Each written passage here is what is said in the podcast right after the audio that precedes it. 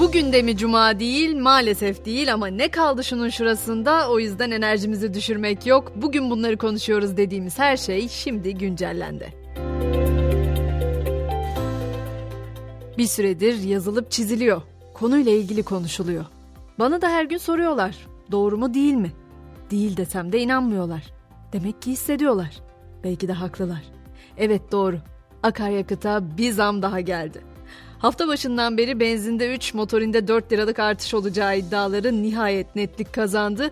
Bu gece yarısından itibaren motorine 1 lira 80 kuruş zam geliyor. Fiyat değişikliğinin ardından motorinin litresi 38 lirayı aşmış olacak.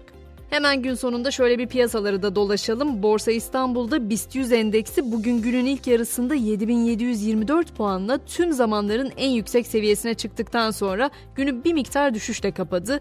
Dolar 27.06, Euro 29.85 liradan el değiştiriyor. Gram altın 1666, çeyrek altın ise 2725 liradan satılıyor.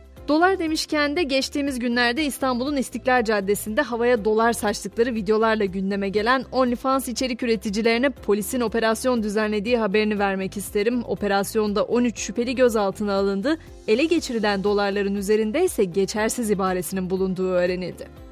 Haziran ayı işsizlik rakamları da açıklandı. Gelin onlara da bir bakalım. İşsizlik oranı Haziran ayında 0,1 puan artışla %9,6 olarak gerçekleşti. İşsiz sayısı 3,3 milyonun üzerinde.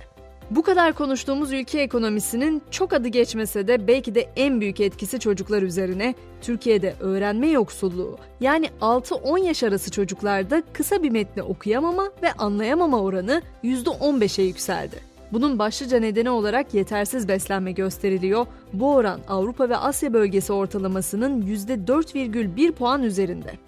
Gelelim tartışmaları dinmeyen Disney Plus'a Atatürk dizisini yayımlamayacağını duyuran Disney Plus'ın kullanıcı sayısı kaybı platform tarihinin en yüksek seviyelerine ulaştı. Kısa sürede binlerce kişinin tepkisini çeken Disney'in son 3 ayda dünya genelinde 11,5 milyon abone kaybettiği ortaya çıktı. Bugün tüm dünyanın gözünü çevirdiği suikasta da bakalım. Ekvador'da yaklaşan seçim öncesinde uyuşturucu kartelleriyle mücadele sözü veren devlet başkanı adayı Fernando Villasencio suikast sonucu öldürüldü. Ülkede 60 gün o hali ilan edildi. Gişe rekorları kıran Barbie filmi ise bir ülkede daha yasaklandı. Lübnan'dan sonra filme Kuveyt'te de yasak geldi. Kuveyt makamları toplum ahlakı ve sosyal gelenekleri korumak adına Barbie ile Talk to Me adlı filmleri yasakladığını duyurdu. Sığınmacılar konusunda ise İngiltere'den sonra Hollanda'da gemiye yerleştirme hazırlığında Hollanda bir lüks yolcu gemisinin daha sığınmacılar için barınma merkezine dönüştürüldüğünü açıkladı. Ülkedeki barınma sorunu nedeniyle oturma hakkı verilen 300 sığınmacı Ocean Majesty adlı lüks yolcu gemisine yerleştirilecek. Hükümet Ukrayna'da geçici oturma izni olan ancak savaş nedeniyle bu ülkeden kaçarak Hollanda'ya gelen 3. ülke vatandaşlarını ise sınır dışı etmeye hazırlanıyor.